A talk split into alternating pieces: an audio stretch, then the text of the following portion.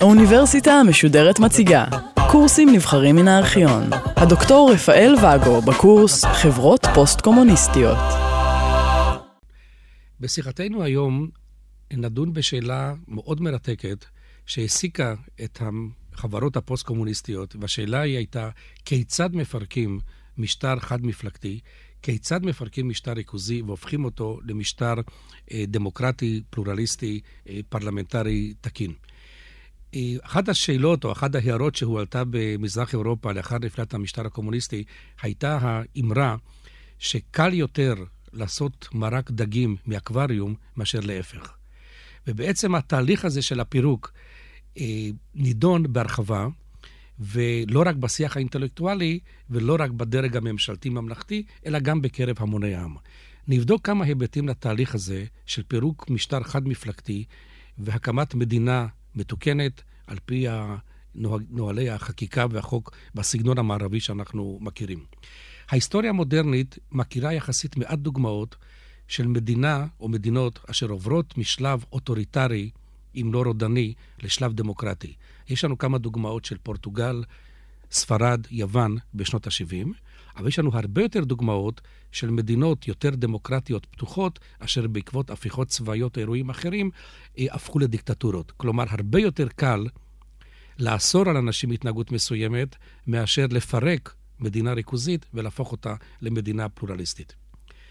השאלות אשר נשאלו עסקו בדברים יומיומיים מאוד מורכבים, ואנחנו נזכיר ונתייחס לכמה מהם. שאלה אחת בסיסית הייתה, מה קורה למפלגה הקומוניסטית השלטת במדינות אשר למעשה המפלגה הקומוניסטית איבדה בתוך זמן קצר ביותר, ברומניה תוך מספר ימים, בפולין והונגריה בתהליך מורכב יותר, כאשר המפלגה הקומוניסטית, המפלגות הקומוניסטיות, איבדו את המונופול שלהם על השלטון. אנחנו לא מדברים כאן על דברים מופשטים שהמפלגה הקומוניסטית איבדה מכוחה, אבל ידוע לנו שבכל המדינות הללו, הקומוניסטיות, היו מיליונים של חברים למפלגות הקומוניסטיות. המפלגות החזיקו מנגנונים אדירים של תעמולה, של בקרה על האוכלוסייה, של ריכוז האוכלוסייה למטרות אידיאולוגיות והכוונה שלהם. מה קורה עם כל המנגנונים הללו? מה קורה עם מיליונים של חברי מפלגה קומוניסטית? תופעה מעניינת הייתה, בשלב הראשון, שלא ניתן היה אפילו לקבל במדינות הפוסט-קומוניסטיות נתונים מדויקים על מספר חברי המפלגה הקומוניסטית, כיוון שאיש כבר לא רצה להתגאות בכך שרק לפני יום או שבוע היה חבר המפלגה הקומוניסטית. לפיכך, בן לילה נעלמו ברומניה ארבעה, קרוב לארבעה מיליון חברי המפלגה הקומוניסטית, שלאחר דצמבר 1989 הצהירו על עצמם שהם תמיד היו אנטי-קומוניסטים. נשאלת השאלה, אם כך, מדוע ובכיצד, ואיפה נעלמו, היכן נעלמו ארבעה מיליון חברי המפלגה הקומוניסטית. כנ"ל לגבי שני מיליון חברי המפלגה הקומוניסטית בהונגריה, וגם בפולין, בצ'כוסלובקיה, בולגריה, אלף, מאות אלפי ומיליונים של חברים של המפלגות הקומוניסטיות. המפלגות הקומוניסטיות הללו החזיקו גם רכוש רב. ונשאלה מיד השאלה, מה קורה עם הרכוש של אותה מפלגה, אותו, אותה עוצמה, שלמעשה ריכזה בידה לא רק את המנגנונים, אלא גם בניינים, גם מגרשים, גם שטחים, בתי הבראה וכולי. חלק מן הפתרון נמצא, כמובן, בהלמה של הדברים הללו. התהליכים הללו של הלמה, כלומר העברת הרכוש הזה לידי המדינה, לא עבר בלי קרבות מסוימים או בלי מאבקים פוליטיים, כאשר המפלגות החדשות שהחלו להופיע דרשו, בשם המשכיות לעבר, אותו עבר שדיברנו עליו בשיחתנו הקודמת, שבשמה הם ביקשו עכשיו לגיטימציה, ביקשו עכשיו בחזרה את הרכוש שלהם, שהיה להם או שלא היה להם לפני מלחמת העולם השנייה, מן הרכוש של המפלגה הקומוניסטית אשר התפוררה או פסקה להתקיים.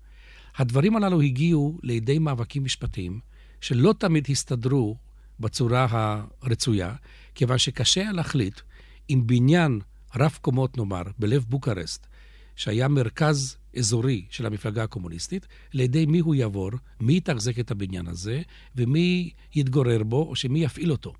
כלומר, יש לנו כאן עניין מאוד רציני של פירוק המנגנונים של המפלגה הקומוניסטית, פירוק הרכוש. חלק מן התשובה, כמובן, נעוץ גם בתהליך ההפרטה. נושא כלכלי מאוד מורכב, שנקדיש לזה שיחה מיוחדת. כלומר, חלק מן הרכוש של המדינה הריכוזית יתחיל עכשיו לעבור, מראשית שנות ה-90, תהליך של הפרטה. תהליך מאוד מורכב, שהתוצאותיו הכלכליות, כאמור, עוד נשוחח בהמשך. אבל היו עוד מספר בעיות חשובות בהקשר הזה. כאשר מנגנוני המפלגה הקומוניסטית התפוררו, למעשה גם המנגנון הממלכתי של המדינות הללו התפורר. ואז נשאלה השאלה, האם אנשי המנגנון הקודם, לדוגמה, משרדי החוץ, משרדי הביטחון, כל המערכת האדירה של מנגנוני הביטחון והפיקוח, ההזנה, המעקב, המשטרות החשאיות, מה קורה עם המנגנונים הללו? על פי אחת האנקדוטות, עיתונאי מערבי התקשר קרוב לחצי שנה לאחר נפילת המשטר הקומוניסטי בפולין, ובטעות ענו לו ממחלקת ההזנה של המשרד, אותו משרד ממשלתי. וכאשר הוא שאל את הפקידה, האם אתם עדיין מאזינים לקווים במשרדי הממשלה? התשובה הייתה לא, הפסקנו באופן רשמי, אבל מתוך אינרציה אנחנו ממשיכים עדיין לעבוד. כלומר, המשטרים הקומוניסטיים יצרו גם דפוסי התנהגות שקשה היה, ואינרציה מנהלית, שקשה היה להפסיק אותה על ידי צו מנהלי זה או אחר. בעיה דומה הייתה, כאמור, עם החלפת המנגנונים או פירוק המנגנונים. מה קורה עם מאות אלפי אנשי המשטרה החשאית, אותם המנגנוני המעקב שהזכרנו קודם? התשובה הייתה, הקמת מנגנונים חדשים, אבל חלק עם האנשים הישנים. אי לכך, לא פעם במדינות כמו ברומניה, במדינות אחרות גם כמו בצ'כיה או בפולין, אנשים מצאו עם תלבושת חדשה, מדים אולי בלי הכוכב האדום, את אותם אנשי המשטרה החשאית שפעלו קודם, פועלים עכשיו בשם המנגנון הדמוקרטי החדש, כאשר אולי המנגנון הדמוקרטי הזה כבר איננו זקוק למשטרה החשאית הקודמת של המשטר הקומוניסטי, כיוון שלשם כך בעצם פירקו את המשטר הקומוניסטי. כלומר, במקרים רבים, המנגנונים נשארים, האנשים נשארים, אבל למעשה התכנים היו אמורים להשתנות. אנחנו לא טוענים שהתכנים לא השתנו, אלא המעבר הזה היה הדרגתי, בעייתי, גם מבחינת העסקת כוח אדם וגם מבחינת אה, הרגלי העבודה וההתייחסות של אותם האנשים כלפי החברה והמסגרות שבה הם אה, פועלים. אחד הפתרונות שהציעו מן ההתחלה במדינות הפוסט-קומוניסטיות היה להקים ועדות בדיקה, ועדות חקירה, ולטווח הארוך גם תהליך משפטי, על מנת לבדוק עד כמה אותם אנשים אשר שיתפו פעולה עם המשטר הקודם, ראויים עכשיו לשתף פעולה או להיות חלק מן המשטר החדש.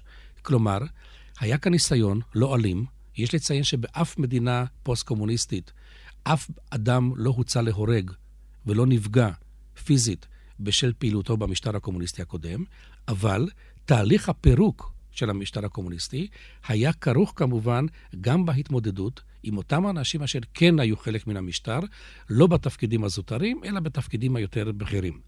כאמור, לשם כך הוקמו ועדות, ועדות חקירה ממלכתיות, מטעם אשר מונו על ידי בתי המחוקקים החדשים של המדינות הללו, אשר פיקחו על העבודה מאוד קשה, מאוד פרובלמטית, של בדיקת תיקיהם של אותם אנשים אשר שיתפו פעולה במשטר הקודם. כלומר, ברמה התפיסתית, המחשבה הייתה שככל שאתה פותח יותר תיקים, כך אתה מגלה יותר בעצם על פעילות המשטר הקומוניסטי. אתה בודק את השמות של אנשים שפעלו באותה תקופה, ועל סמך זה נותנים להם היתר הכשר או אה, פסילה לגבי פעילות שלהם בתקופה הפוסט-קומוניסטית. יש לציין שהתהליך הזה גרם להרבה מאוד זעזועים. חלק מן האנשים אולי חששו בצדק, חלק מהאנשים חששו מפתיחת, מפתיחת התיקים, כיוון שידעו שמדובר כאן בתיבות פנדורה, אשר עלולות למעשה לשבש את החיים בעידן הפוסט-קומוניסטי. לעומת זאת, אחרים טענו שלמי שאין מה לחשוש, או איננו צריך לחשוש, אבל לא ייתכן לפרק את המשטר הקומוניסטי הקודם, ללא גם פירוק אותם המוקשים אולי שהמשטר הקומוניסטי השאיר מאחוריו בדמות אנשים ש... שהם לגבי פעילותם לא תמיד היה ברור במה הם עסקו ועד כמה הם היו מעורבים בשלטון. יש לציין בנקודה הזאת שהרבה מאוד דרמות אישיות התרחשו. למשל, ועל כך נכתבו כבר כמה מחקרים מאוד מעניינים, עם פתיחת תיקי השטאזי, המשטרה הפוליטית החשאית בגרמניה המזרחית, הסתבר שהיו מקרים בהם בעלי זוג הלשינו אחד על השני, היו מקרים שחברים הכי טובים הלשינו על החברים שלהם במסגרת החובות שלהם כלפי המשטרה החשאית. הדברים הביאו למאבקים לא, כל, לא בהכרח ברמה הפוליטית, לא ברמה הארצית, אלא בתוך משפחות, בתוך קרב חברים, כאשר כל אחד ניסה לחפש מי הם היו אותם הסוכנים של המשטרה החשאית אשר פעלו במסגרת של הקבוצה הזאת או אחרת של חברים או של אה, משפחה. חשוב להדגיש בנקודה הזאת שהמשטרים הקומוניסטיים נהגו להחתים אנשים על טפסים, בהם הם הכריחו אותם לשתף פעולה, ולא תמיד עומק שיתוף הפעולה וצורות שיתוף הפעולה פורטו באותם טפסים, אבל אזרחים רבים, מדובר כאן במאות אלפים, במשך עשרות השנים, חתמו על שיתוף פעולה עם המשטר, והנה, עם התחלת התקופה הפוסט-קומוניסטית, פותחים את אותם ארכיונים, פותחים את המסמכים של המנגנונים השונים, מנגנוני הביטחון, ובהם תיקים של אלפי אנשים אשר חתמו בזמנו על שיתוף פעולה עם המשטר. יש לציין, ולא ננקוב כרגע בשמות מדויקים, שחלק מהפוליטיקאים החדשים הואשמו, לעתים לא בצדק, אולי תוך אפילו סחטנות מסוימת על ידי יריבים, שהנה הם היו מלשינים של המשטרה החשאית, כאשר מדובר היה פה בדברים הרבה יותר שונים, כאשר המשטרה הפוליטית הקומוניסטית לחצה על אותם אנשים על חתימות, מבלי בהכרח לבקש מהם אחר כך את תמורה ושיתוף פעולה ממשי, או במקרים אחרים ודאי שכן היה שיתוף פעולה ממשי. כלומר, ההתמודדות הזאת עם אותם האנשים, עם אותם אנשי המנגנון, המשיך להעסיק את החברה הפוסט-קומוניסטית במסגרת הניסיון לפרק עד כמה שניתן את המבנים של המשטר הקומוניסטי. נושא אחר אשר עלה מיד עם התחלת התהליך של פירוק המשטר, המשטר הקומוניסטי היה, כיצד מפרקים את המסגרות המחשבתיות של העידן הקומוניסטי. וכאן אנחנו מגיעים בבעיה מאוד רגישה. חוקרים שונים ציינו שהמשטר הקומוניסטי, גם בברית המועצות וגם במדינות מזרח אירופה, הביא לשיח, לתרבות דיבור, לתרבות התנהגות, שונה לחלוטין ממה שאנחנו מכירים בחברה הדמוקרטית. יש את הטוענים שקל מאוד לזהות נאום פומבי של מנהיג אשר פעל בתקופה הקומוניסטית, לעומת מנהיג דומה או איש ציבור דומה בתרבות המערבית, בתרבות הפוליטית, התרבות החברתית המערבית. כלומר, האינטלקטואלים, ולא רק האינטלקטואלים, טענו, ואנשי התקשורת, טענו מראשית שנות ה-90, שללא פירוק המסגרת המחשבתית, סגנון הדיבור הקומוניסטי, סגנון ההתנהגות הקומוניסטי, לא ניתן יהיה בעצם לפרק את המשטר הקומוניסטי. היו גם ציניקנים שטענו שסגנון הדיבור, ההתנהגות, לעתים גם הלבוש הקומוניסטי, כל כך טבוע באותם אנשים, שגם כאשר המשטר הקומוניסטי כבר איננו, האנשים הללו ימשיכו לדבר קומוניסטית, בשפה הקומוניסטית, מבחינת ההתנהגות שלהם, היחס שלהם לזולת, היחס שלהם לערכים וכולי. התופעה הזאת של שחרור מהמסגרות המחשב, המחשבתיות, גם בצד ה, של ההתנהגות, גם בצד של השפה, הינו תהליך מאוד מורכב, ויש הטוענים שהוא לא יסתיים עד היום. לא פעם עיתונאים, אנשי תקשורת, נוהגים לבקר פוליטיקאים על ידי הדבקת תוויות כגון סגנון הדיבור שלו מזכיר, כאשר, מזכיר לנו את, תקופות ימיו, כאשר הוא היה מזכיר מפלגה באוניברסיטה שלו, במקום עבודה אחר. כלומר, מאשימים את אותם האנשים שבעצם הם לא הצליחו להתפרק מן המשטר הקומוניסטי או מן המסורת של המשטר הקומוניסטי. תופעה אחרת מאוד חשובה במסגרת הפירוק של המשטר הקומוניסטי, היה הניסיון, שהוא סך הכל מוצלח, נוכל להגיד בתום עשר שנים, להנהיג חיים פרלמנטריים פחות או יותר תקינים על פי אותו דגם המערבי. מדוע החיים הפרלמנטריים כאן כל כך חשובים להבנת פירוק המסגרות של המדינה הקומוניסטית הריכוזית? כיוון שבמשטרים הקומוניסטיים החיים הפרלמנטריים שימשו כחותמת גומי למפלגות הקומוניסטיות לאשר, לאשרר דברים אשר כבר נקבעו מלמעלה. והנה, מיד עם הבחירות החופשיות הראשונות, ב-1989-90 במדינות השונות, הופיעו פרלמנטרים, חברי פרלמנטים, אשר נבחרו בבחירות דמוקרטיות ראשונות בתולדות האזור הזה מאז מלחמת העולם השנייה, נבחרו פרלמנטים אשר בהם ישבו אנשים שאולי שנה, שנה, שנתיים לפני זה עדיין פעלו ברמות שונות של המשטר הקודם. כיצד אותם האנשים מנסים, ניסו עכשיו להתמודד עם קבלת החלטות, עם הקמת ועדות, ועדות חקירה, ועדות פרלמנטריות שונות, כפי שאנחנו מכירים במערב. יש לציין שהחיים הפרלמנטריים התאפיינו במדינות מזרח אירופה בשנים הראשונות על ידי אלימות מילולית רבה ביותר, וההסבר לכך הוא שייתכן שאותם חברי הפרלמנטים החדשים הרגישו את ההתפוצצות של החופש ושל המידע ושל החירות בצורה מוגזמת, כאשר מן הפסיביות אשר אפיינה את התקופה הקומוניסטית, עברו להתנהגות בוטה ולפעמים תוקפנית כלפי יריביהם הפוליטיים. כלומר, חלק מן הפוליטיקאים החדשים פירשו את החיים הפרלמנטריים כזירה למאבקים ציבוריים, לעתים אלימים, עם אלימות מילולית ואף אלימות פיזית. נשאלה כמובן השאלה, האם זה עתיד הפרלמנטריזם במזרח אירופה? וגם כאן, אם נזכיר את התופעה של החזרה להיסטוריה, יש לציין שבפרלמנטים במדינות מזרח אירופה בין שתי מלחמות העולם, כמו בפולין, ברומניה ובהונגריה, לא אחת נערכו עימותים אלימים, ובפרלמנט היוגוסלבי אף, אף היו קרבות, ירי, אה, קרבות אש בתוך הפרלמנט, כאשר לפחות במקרה אחד ב-1929 נרצח מנהיג של מפלגה בדיון פרלמנטרי. כלומר, החיים הפרלמנטריים שיקפו בעצם עד כמה המדינות הללו מסוגלות עכשיו להיכנס למסלול מערבי, גם מבחינת החיים הפרלמנטריים התקינים. על כל התהליכים שאנחנו דיברנו עליהם, יש תפקיד חשוב למושג של החברה האזרחית במדינות מזרח אירופה. החברה האזרחית, בחברה האזרחית, אנחנו מבינים את אותם הגופים אשר בצורה וולונטרית, בצורה רצונית, פועלים לא מטעם המשטר, מטעם החברה, למען שירותים שונים ועבודה במסגרת הקהילה, במסגרת החברה, מה שאנחנו מגדירים אותה כאמור, החברה האזרחית. הייתה טענה של מומחים למזרח אירופה, שבעקבות נפילת המשטרים הקומוניסטיים, חברה שבה היו ניצנים של חברה אזרחית לפני עליית הקומוניזם, למשל כמו בצ'כיה, צ'כוסלובקיה בעיקר, במידה מסוימת גם בפולין, במידה מסוימת גם בהונגריה, המעבר לפוסט-קומוניזם ופירוק המשטר הקומוניסטי יהיה הרבה יותר קל, כיוון שיש כבר ניצנים של החברה האזרחית מתקופת לפני מלחמת העולם השנייה. בין אם אנחנו ניקח את המודל ההיסטורי, עד כמה בחלק מהמדינות היה, היו ניצנים של חברה אזרחית או לא, ככל שהחברה האזרחית החלה להופיע בעידן הפוסט-קומוניסטי, כך למעשה פירוק המשטר הקומוניסטי, או פירוק שארית המשטר הקומוניסטי, הפך לנושא קל יותר ומוצלח יותר. מדוע? נשאלת השאלה, מדוע?